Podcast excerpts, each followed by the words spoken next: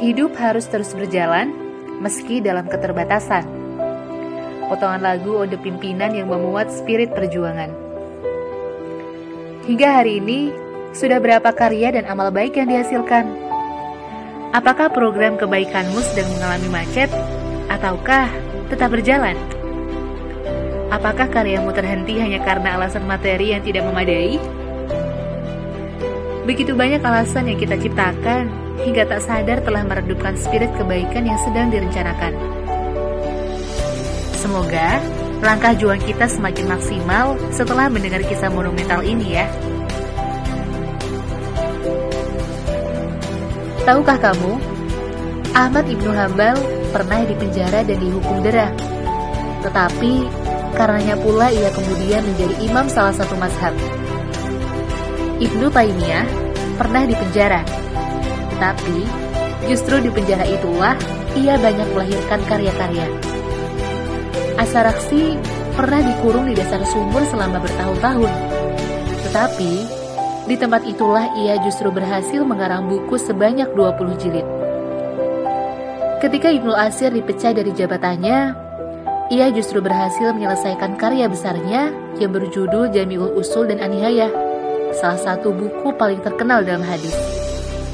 Demikian halnya dengan Ibnu Jauzi.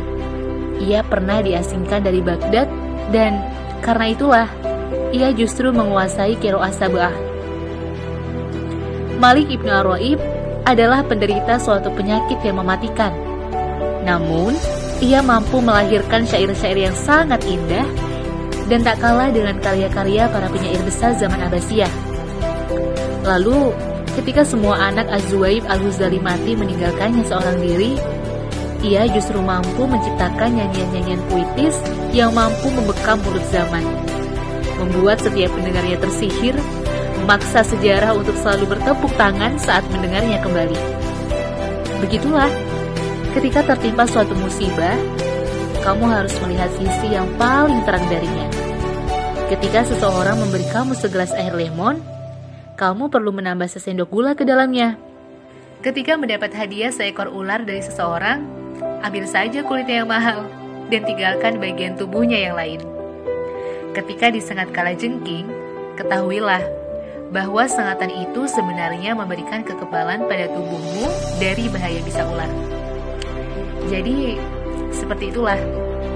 Saat dalam keadaan sulit, kita harus pandai-pandai untuk mengendalikan diri karena dengan begitu, kita justru bisa melihat peluang kebaikan di dalamnya.